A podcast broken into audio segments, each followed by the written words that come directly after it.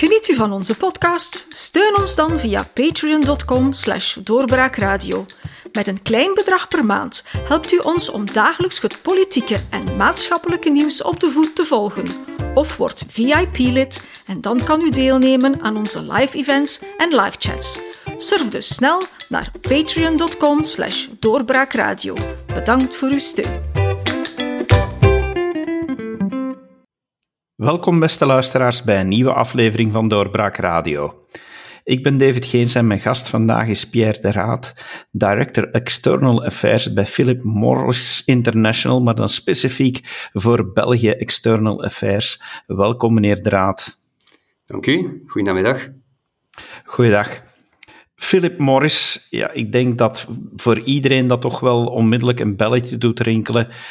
Ik ken het als tabaksbedrijf. Is dat nog altijd de beste omschrijving voor Philip Morris? Dat denk ik niet per se, maar uh, ja, uiteraard zijn wij nog uh, actief in, het, uh, in de tabakswereld, maar wij zijn bezig aan een gigantische transformatie. die werd aangekondigd door onze CEO in 2016, waar wij feitelijk beslist hebben om ons zo snel mogelijk terug te trekken uit de sigaretten dus, en volledig in te zetten op onderzoek en ontwikkeling van minder schadelijke alternatieven voor het roken.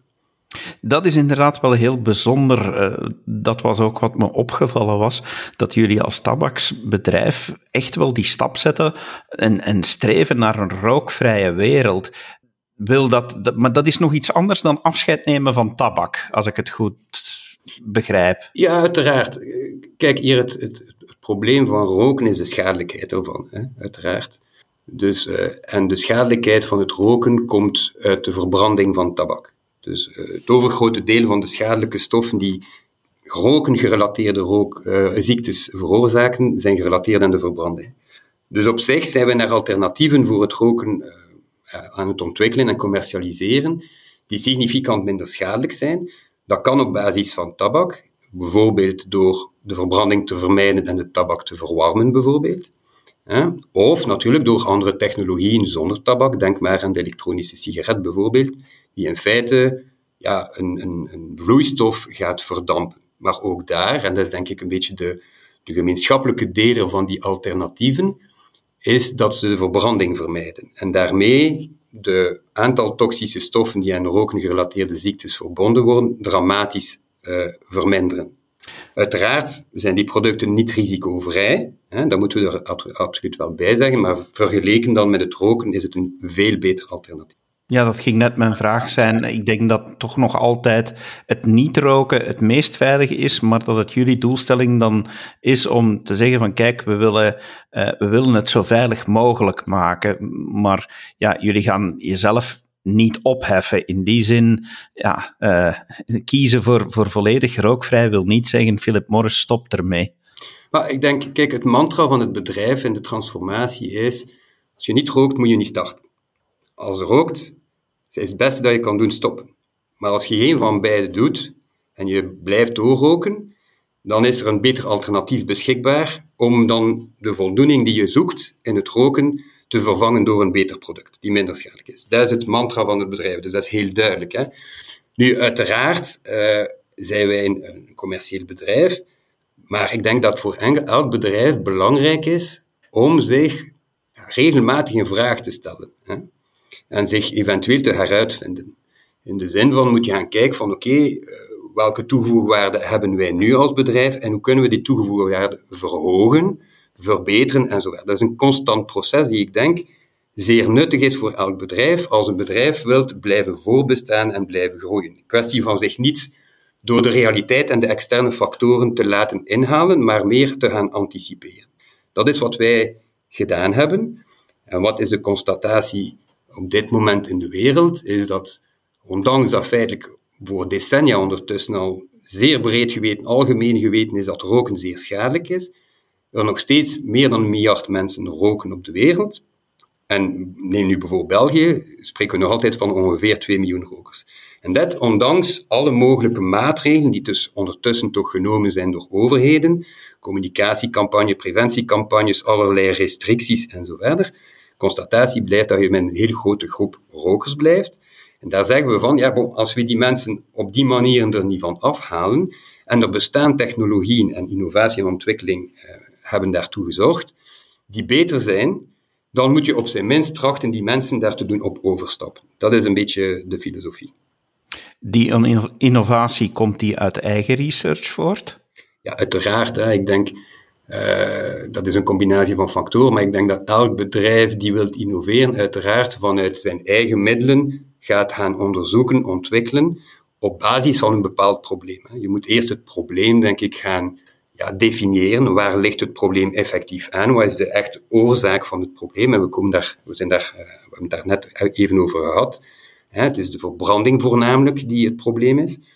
En dan ga je gaan zoeken, oké, hoe kunnen we dat probleem gaan oplossen of toch grotendeels gaan oplossen? En dus dat is natuurlijk een proces van onderzoek en ontwikkeling die veel langer heeft geduurd dan sinds 2016. Hè. Voorafgaand die aankondiging, die, die drastische transformatie en die bedrijfsvisie die we aangenomen hebben, die toch een gigantische omslag zijn, is er uiteraard heel veel werk geweest om inderdaad dat probleem duidelijk te gaan identificeren en dan te gaan kijken wat zijn de mogelijke oplossingen om daar uh, ja, dat risico te gaan verminderen. Dus uh, ja, dat is een beetje van waar dat, dat komt. Uiteraard, een vraag die wij vaak krijgen, uh, vaak krijgen is, ja, het is uiteraard uit eigen onderzoek en zo verder. Hè. Hoe, hoeveel mogen we daar echt van geloven?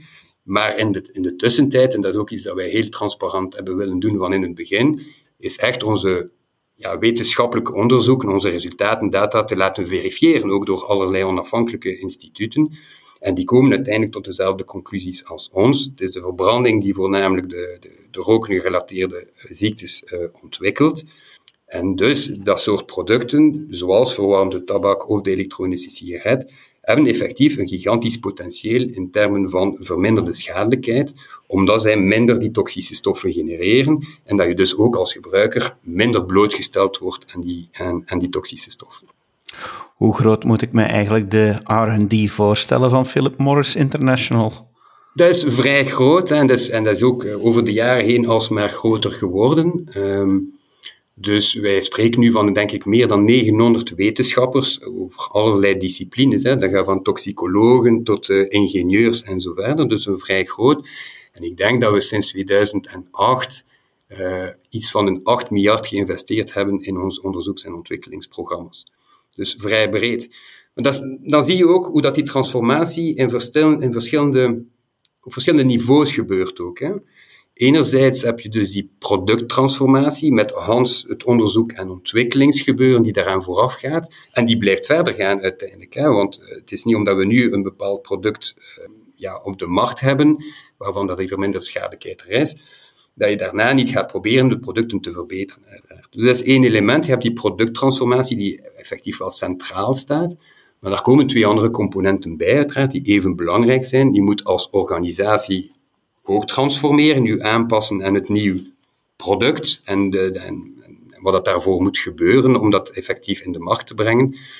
En dan, dat, dat is wat we de interne transformatie noemen. En dan heb je een derde component, die, de externe transformatie. Het is niet omdat je zelf een nieuwe bedrijfsvisie hebt en een nieuwe ambitie, dat je dat alleen gaat kunnen verwezenlijken. Als wij daar alleen de kar trekken, zal het heel moeilijk zijn om succesvol die ambitie te gaan verwezenlijken. Je hebt daar een draagvlak nodig uh, vanuit regelgeving, beleid, maar ook middenveldorganisaties, academici en zo verder. Omdat uiteraard je het niet alleen kan dragen. En ook zeker omdat ja, bijvoorbeeld regelgeving een gigantisch belangrijk component kan zijn om dat te gaan accelereren. We zien daar voorbeelden van heel, recent, hè, in, de, in de elektrificatie van het wagenpark bijvoorbeeld in België, waar dat de wetgever beslist heeft om fiscale, een fiscale regelgeving eh, ja, op te maken die het feitelijk attractiever maakt om van de dieselwagen naar de elektrische wagen te gaan. Dus dat is zeker een component die voor ons ook van toepassing is en die zeer belangrijk is. Willen we daar echt succesvol zijn uh, als bedrijf? Wij kunnen het niet alleen doen. Wat iedereen inmiddels kent als alternatief voor de sigaret is natuurlijk de e-sigaret. Uh, vaping en, en wordt het ook wel genoemd.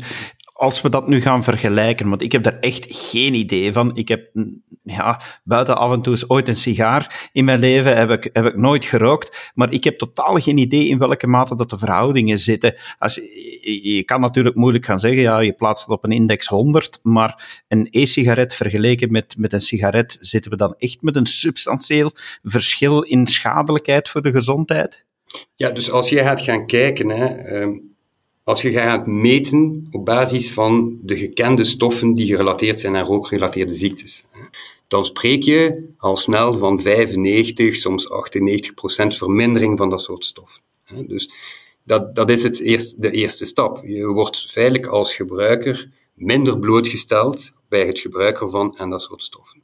Dus uiteraard wijst dat allemaal in dezelfde richting, in de zin van je wordt minder aan blootgesteld, het is minder toxisch enzovoort enzovoort, wat uiteindelijk zou moeten uitmonden in een verlaagd risico op dat soort ziektes. Dus dat is, dat is het principe, uiteraard. Maar je spreekt daar inderdaad, als je spreekt over het aantal stoffen die, die vrijkomen, spreek je effectief ja, 90, 95 procent minder toxisch. Dat kan een beetje verschillen van het een product naar de andere. Hè. Um, dan moet je echt gaan per product gaan, zou, moeten echt wetenschappelijke onderzoek echt heel specifiek per product gaan doen. Wij hebben dat heel uitgebreid gedaan uh, over onze verwarmde tabaksproduct. Hè, dus het product die feitelijk tabak verwarmt, niet verbrandt. Daarmee kan je een aantal uh, aroma's en stoffen verdampen, maar zonder dat je rook gaat genereren. Daar hebben we een heel extensief programma voor uitgerold, waar we heel specifiek kunnen zeggen, met dit specifiek product kom je tot die resultaten.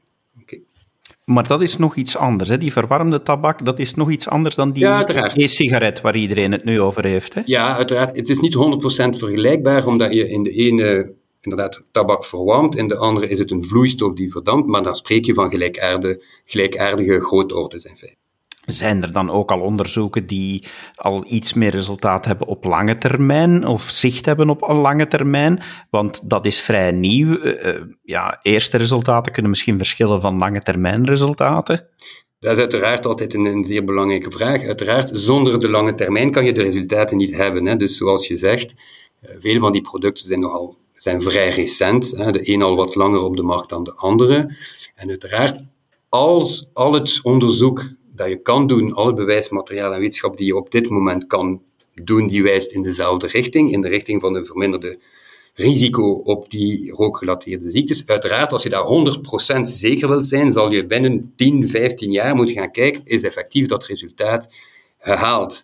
Maar als je kijkt naar het zeer breed wetenschappelijk bewijs dat er nu al op tafel ligt, wijst alles in diezelfde richting bij het verwarmen van die tabak ehm, de nicotine, want dat is toch het verslavend element, voor zover ik het begrijp. Eh, komt die nicotine dan nog vrij? Is, is, is dat nog een stof die wel mee opgenomen wordt? Ja, de nicotine wordt uh, nog steeds in de meeste van de gevallen, niet elke elektronische sigaret bevat nicotine, maar de meeste van de producten wel. Nu, het is belangrijk om wederom te verstaan, het risico, of het grootste deel van de toxiciteit, ligt dus aan de verbranding ervan. De nicotine is niet zozeer de hoofdoorzaak van die, van die ziektes, is uiteraard wel het verslavend element. Dus die komt al vrij en dat heeft, de, dat heeft wel een bepaalde reden ook. Hè. Want het is aan de ene kant wel natuurlijk belangrijk dat je, dat is een conditio sine qua non als je wilt, dat je product minder schadelijk is. Hè. Dat is de, de basisconcept. Maar uiteraard moet je ook zien dat je product acceptabel genoeg is voor een roker om die overstap te gaan maken als die roker zegt van ik ga dat uitproberen, maar dat voldoet niet aan ja, de beleving die ik zoek, ja, dan gaat hij daar ook niet blijven op overstappen en die zal hoogstwaarschijnlijk of terugkeren. Dus, en, en, en voor vele rokers speelt de nicotine of het effect van de nicotine een zeer belangrijke rol in de beleving van het roken. Dus ja, je hebt dat element ook deels nodig om het, om het alternatief voor die rokers die er niet willen van afstappen, ook effectief acceptabel te maken, zodat zij volledig overstappen en het roken volledig afzweren.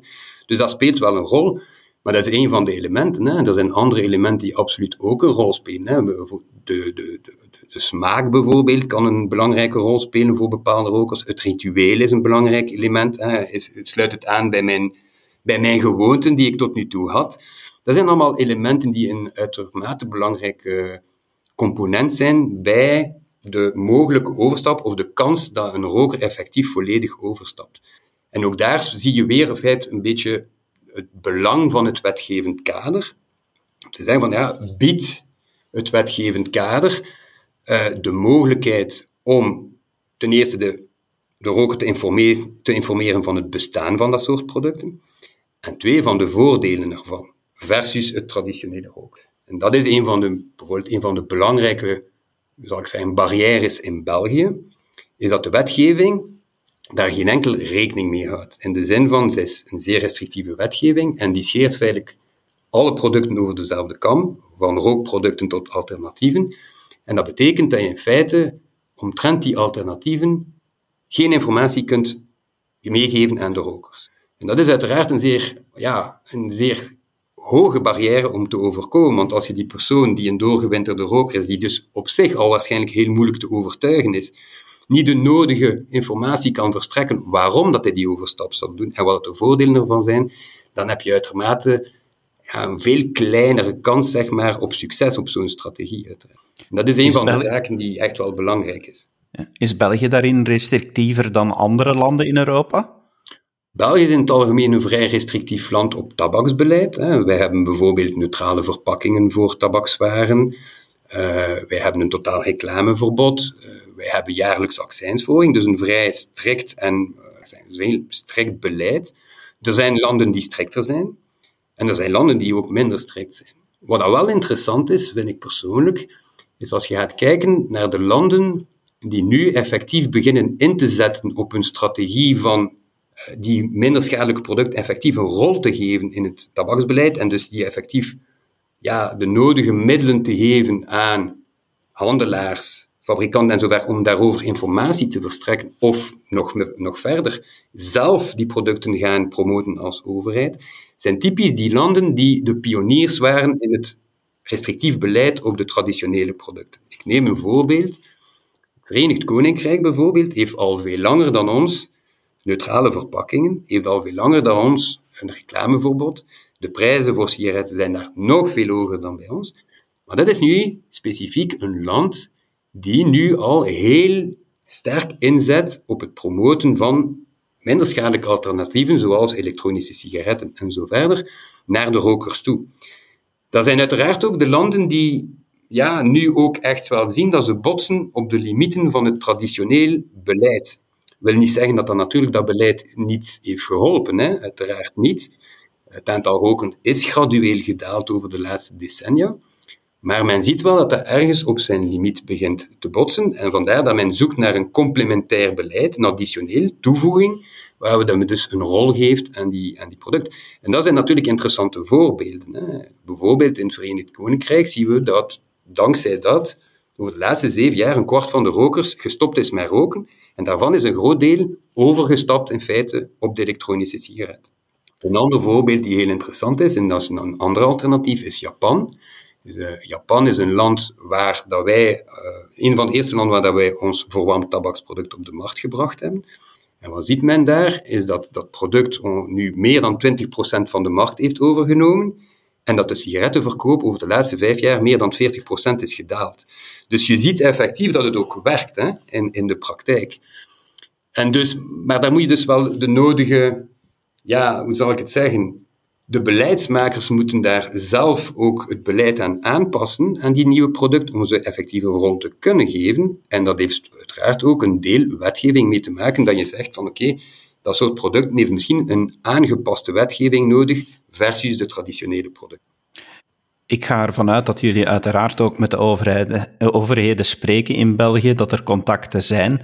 Eh, we zullen er zelfs kunnen vanuit gaan dat jullie uiteraard lobbyen. Eh, maar hoe is de feedback dan eigenlijk? Heeft de Belgische overheid oren naar een beleid waarbij je zegt van kijk, eh, er zullen altijd mensen zijn die roken, maar wij willen partner zijn om het minder schadelijk te maken? Kan daarover gepraat worden? Ja, ik denk dat er absoluut kan over gepraat worden. Uiteraard heeft iedereen zijn standpunt of zijn mening of zijn, ja, zijn ingaanspositie, zeg maar. Ik denk dat er wel oor is naar, naar, naar, naar de rationalie erachter, want uiteindelijk wat wij hier bepleiten is iets dat wij breed in de maatschappij al toepassen op een hele reeks producten. We hadden het al over de, de, de elektrificatie van het wagenpark, maar ik kan ook over denken over ja, uh, ja, duurzame energiealternatieven, windmolenpark. Dus op, op heel wat vlakken passen we de feitelijk dit al toe. Hè? Dus ik denk dat qua rationale, qua visie, dat er daar wel begrip voor is, dat dat interessant geacht wordt. Uiteraard bos je wel natuurlijk over een bepaalde scepticisme, zal ik maar zeggen. Wij dragen uiteraard een bepaalde historiek mee.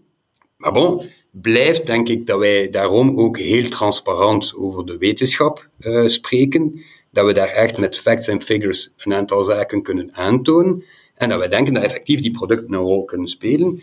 Getuigen ervan meer en meer landen die die weg opgaan, uiteraard.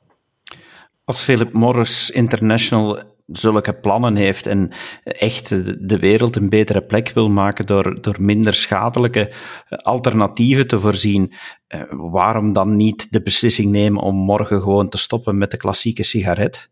Ja, die vraag krijgen we inderdaad heel vaak. Uh, dat klinkt natuurlijk zeer simpel en mooi op papier, zeg maar. Maar uiteraard, de realiteit is anders. Hè? Uh, in de zin van, stel u voor dat wij inderdaad mogen daarmee stoppen. Dat is natuurlijk uh, voorbijgaan aan het feit dat wij niet de enige tabaksfabrikant op de wereld zijn, dat er uiteraard een hele reeks concurrenten zeer graag in die bres zouden springen. Dus ik denk niet dat het, als wij dan morgen gaan mee stoppen, zeg maar, dat het probleem opgelost zal zijn. En ook, ja, dat mag je dus ook niet onderschatten, uiteraard.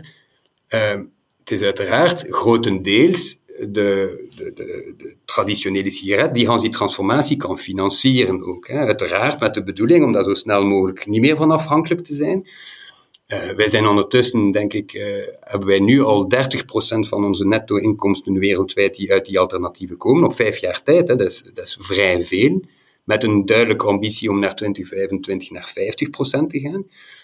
Maar dus ja, ik denk niet dat dat de oplossing is in de praktijk, omdat het probleem niet zal opgelost zijn, concurrentie in de bres brengen, of erger nog, de illegale handel.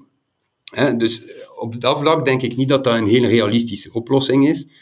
Uh, maar wat je wel hebt, is dat wij wel heel duidelijk aantonen dat wat we daar nog uithalen, volledig investeren in die alternatieven, om daar zo snel mogelijk van af te zijn.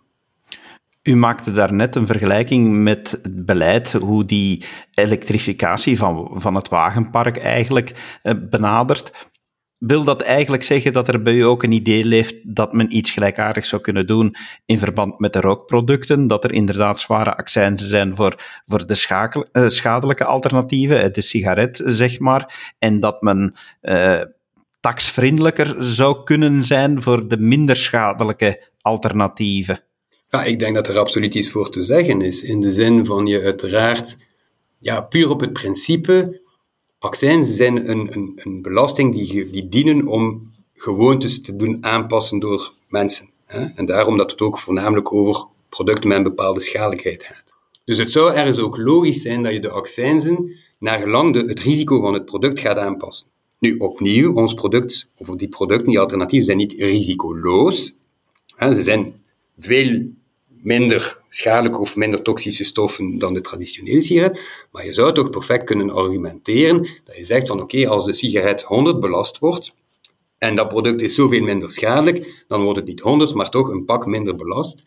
Uh, dat heeft een aantal voordelen uiteraard, omdat het naar de roker toe een additioneel ja, incentive geeft zeg maar, om die overstap te gaan doen. Want niet alleen de minder schadelijkheid is, een, is dan een, een, een argument, maar ook het feit dat het misschien goedkoper zal zijn, dus een financiële incentive. Uh, dus ja, ik denk dat dat wel uh, zeker uh, ja, iets is dat moet overwogen worden. Wat dat ik me al een hele tijd afvraag met alsmaar hogere accijnzen op tabaksproducten, en ik kan begrijpen van waar die keuze van de overheid komt, maar of welk effect dat dat heeft eigenlijk op, de, op het omslagpunt wanneer de illegaliteit het begint over te nemen. Per slot van rekening hebben we de laatste tijd in de Belgische media toch ook wel een aantal reportages gezien over eh, toch wel ja, West-Vlaamse eh, schuren die omgebouwd zijn tot illegale sigaretfabrieken. Uh, en ja, dat gaat niet alleen schadelijk zijn voor jullie business, maar ik kan ook wel aannemen dat jullie strenger gereglementeerd bezig zijn met, met de schadelijkheid van het product dan, uh, dan op die illegale. Dus ja, daar moet dan een evenwicht in zitten. Hebben jullie daar zicht op van dat, dat met dan een veel slimmer accijnsbeleid, waar we het net al over hadden, dat ook daarmee nog beter de gezondheid zou kunnen gestuurd worden door die illegale trafiek wat de wind uit de zeilen te nemen? Ja, uiteraard. Ten eerste, het is uiteraard moeilijk om dat specifiek punt te identificeren, want dat hangt af van heel wat factoren. Hè. Je kan denken over koopkracht, is verschillend van het een land tot het ander en zo verder. Dus wat het specifieke prijs is, zeer moeilijk te hard halen.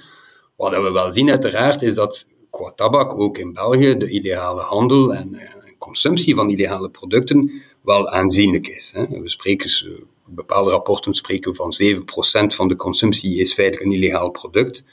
Dus het, er is, het is er, dus je kan dat niet ontkennen.